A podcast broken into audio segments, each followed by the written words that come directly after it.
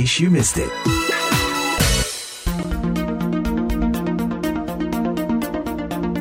Pendengar, air adalah sumber kehidupan. Indonesia sangat diberkahi dengan sumber daya air yang melimpah.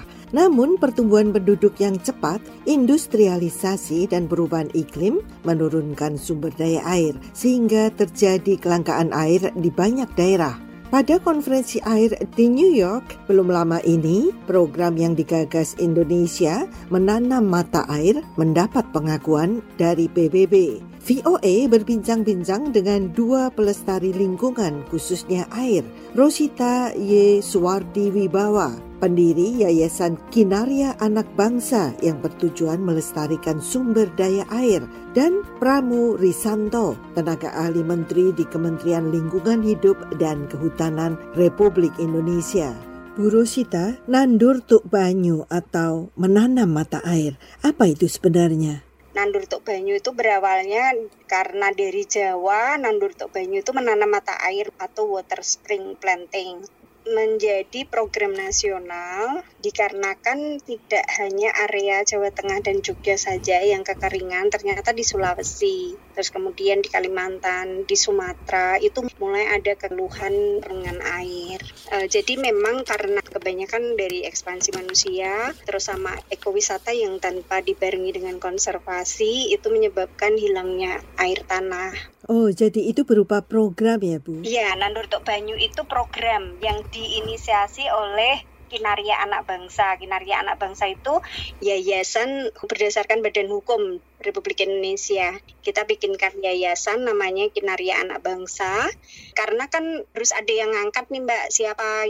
lembaga bisa dikatakan NGO kalau di PBB masuknya NGO foundation biar diakui oleh negara kan kita pakai entitas hukumnya foundation uh, Kinaria Anak Bangsa gitu. Nama programnya Nandur Tok Banyu yeah. atau Water Water Spring Planting. Kinaria Anak Bangsa dibentuk di mana? Di Tangerang. Hmm. Saya tinggalnya di Tangerang. Cuman gerakannya kami awalnya itu di Klaten karena keluhan pertama secara pribadi saya dimintain air bersih terus. Saya pikir kok saya ngerogoh kantong terus untuk bantuin tangki setiap tahun gitu. Dan maksudnya ini bukan menyelesaikan akar masalah gitu. Makanya kemudian kita buatkan program itu agar menjadi milik bersama. Jadi saya sendiri nggak ingin bahwa ini hanya programnya Kinaria tapi ini diakui menjadi program bersama biar banyak orang yang mendukung. Sejak kapan program itu dilaksanakan ya? Dan bagaimana cara cara menanam air dalam tanda petik? Uh, jadi gini Mbak, kenapa kita menanam mata air namanya bukan menanam pohon? Kalau program-program yang sering diadakan, kami mencanangkan satu juta pohon, seribu pohon, lima ribu pohon gitu. Jadi kita itu kalau secara perseorangan bisa minta ke negara seribu pohon itu gratis kalau lembaga, kenapa saya bikin lembaga itu bisa 5000 pohon itu persyaratannya.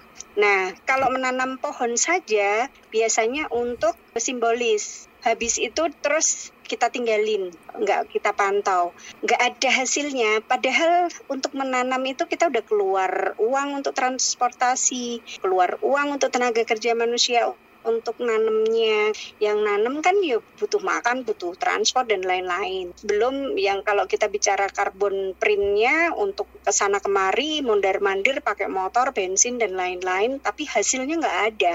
Nggak terukur. Ada mungkin tapi tidak terukur dengan baik. Nah, kenapa kemudian kita sebut menanam mata air? Karena target kita goalnya adalah keluarnya air dari tanah karena itu yang dibutuhkan. Sehingga kita lebih fokus memilih pohon-pohon yang mempunyai kapasitas dan fungsi untuk menahan air di dalam tanah, Mbak. Lalu jenis pohon apa yang bisa menahan air? Kayak preh, aren, gayam, beringin, fikus-fikusan tuh banyak menahan air. Termasuk pakis-pakisan siap? Iya, aren, pakis tuh kayak aren dengan uh, satu keluarga ya. Dan hmm. preh. Itu yang mempunyai uh, kemampuan menahan air di dalam tanah.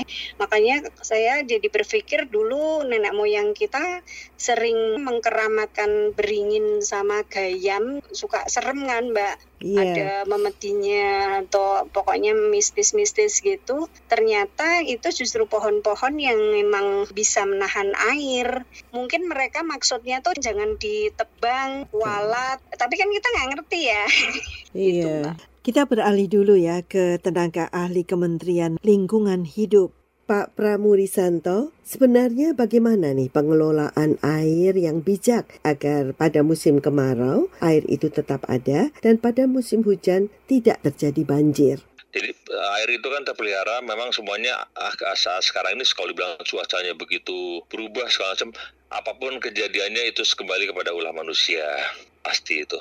Nah, dalam rangka untuk mengantisipasi itu ada sebagian masyarakat atau orang per orang maupun kelompok melakukan sesuatu agar air-air yang memang akan langka pada satu saat ini bisa terpelihara dengan baik bahkan bisa menumbuhkan sebagai sebuah mata air. Jadi masyarakat harusnya memang bisa memelihara dengan cara sendiri-sendiri maupun berkelompok. Sederhana sebetulnya, misalnya buang sampah pada tempatnya, kemudian menanam pohon-pohon termasuk pohon bambu yang bisa menghasilkan nantinya sebagai mata air. Lalu bagaimana upaya pemerintah dalam hal ini untuk menyadarkan masyarakat ke arah itu, Pak? Nah, sosialisasi, pendekatan, pendampingan itu selalu kita lakukan di mana pun kita berada. Di setiap UPT kami di, di berbagai macam daerah juga melakukan hal yang sama. Cuma kan memang e, sama dengan kita melihat negara-negara lain tidak bisa seperti kita membalikan tangan. Kondisi kita sudah agak rusak maka kemudian sosialisasi yang itu harus dilakukan terus-menerus dan kemudian tadi izin-izin pembangunan yang dianggap perusak pada saat nanti pertambangan itu sudah dibatasi. Dan kemudian pemerintah juga harusnya baik pemerintah pusat maupun pemerintah daerah itu harus berani mengeluarkan aturan-aturan sebagai e, payung hukum agar e, masyarakat juga tidak melakukan hal-hal yang tidak benar. Kalau sekarang ini kan saya melihatnya pemerintah pusat sudah memberikan sebuah aturan main, tapi kemudian di setiap Pemda ada sebagian tidak semuanya itu juga eh, kurang berani memberikan sebuah aturan sehingga kemudian rakyat atau pengusaha seenaknya melakukan sesuatu yang kemudian akhirnya menghancurkan sumber-sumber mata air gitu. Tapi sosialisasi dan pendampingan selalu kami lakukan sampai saat ini. Nah sekarang ini bagaimana pembiayaannya? Apakah ada yang mendanai program Nandur Tuk Banyu ini? Awal-awal pakai kocek pribadi mbak Nah yang kedua karena kan nggak sanggup juga ya lama-lama kok banyak juga ya gitu ngangkut itu seribu pohon itu satu juta transport. Nah kalau beribu-ribu kan jadi berjuta-juta kan. Nah iya. kita mulai fundraising. Nah, kenapa eh, kemudian saya berusaha untuk mencari dukungan ke sana kemari itu agar mendapatkan kepercayaan yang lebih dari stakeholder yang berkepentingan fundraisingnya berbentuk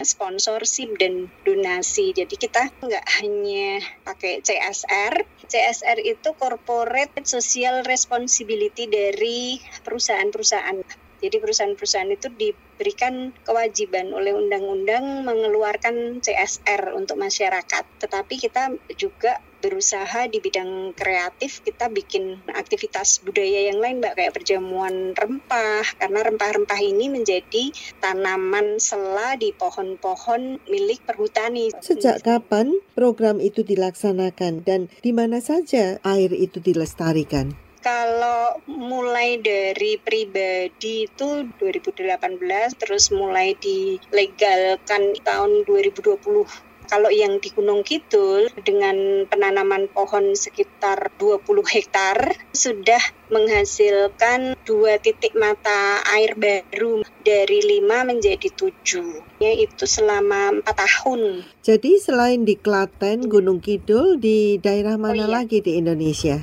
Eh, yang sudah daftar itu Sukabumi sama Bogor. Cuman kita pernah bikin webinar webinarnya itu menuju Nandur Tok Banyu waktu masih pandemi sih Mbak 2020.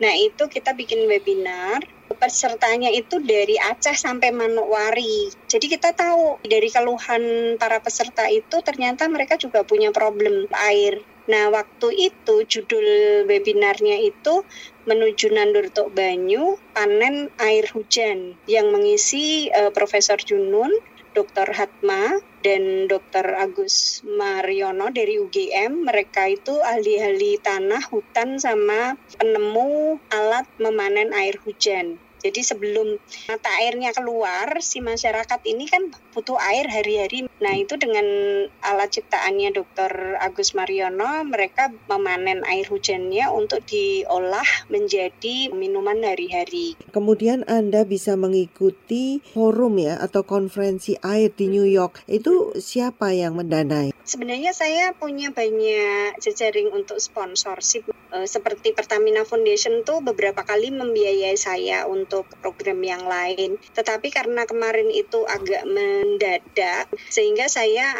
pakai dana pribadi untuk jalan ke New York. Tapi kesempatan itu saya gunakan agar bermanfaat banyak saya langsung berkabar sama pihak-pihak jejaring saya bahwa kita bisa sampai sana secara mandiri. Tokoh penggiat lingkungan dunia ya, tentunya banyak ya yang hadir di sana. Saya bertemu dengan beberapa rekan-rekan seperjuangan di dari India, dari Afrika. Kalau yang tokoh lingkungan, duta lingkungan yang kita harapkan bertemu kemarin itu sebenarnya Leonardo DiCaprio, terus Anne Hathaway. Tapi sayangnya beliau nggak datang, jadinya kita nggak bisa ketemu. Cuman kita kemarin cari-cari akses untuk bisa terhubung dengan Leonardo. Kalau seandainya Anda bertemu dengan Leonardo DiCaprio, beliau kan bisa menjadi corong ya, ya untuk melestarikan air ini di Indonesia khususnya. Betul, betul. Membawa dan menyuarakan jadi kita berharap beliau memberikan dukungan, kemudian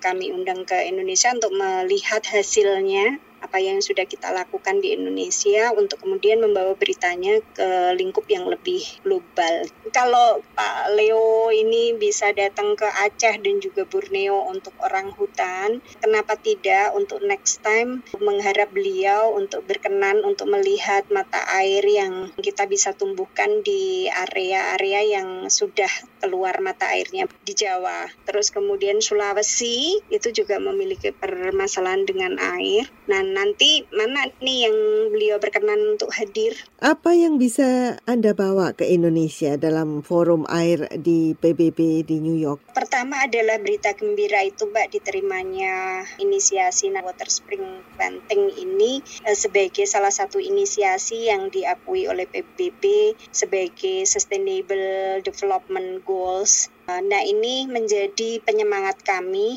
akan kami bawa ke ke kementerian KLHK dan kami ingin mengajak stakeholder lain di bidang hotel, restoran, transportasi dan juga korporasi. Kita akan bikin program Kembali ke Pak Pramu. Tentunya kini semakin banyak ya Pak LSM dengan berbagai programnya. Bagaimana pihak KLH menanggapinya? Banyak, banyak, banyak. Jadi misalnya seperti ada sama Sekolah Sampah Nusantara, ada Adupi, ada Bumi. Kemudian kami juga melakukan sesuatu untuk bisa misalnya membersihkan bahkan memusnahkan sampah-sampah. Itu kan sebuah usaha-usaha yang harusnya didukung oleh pemerintah.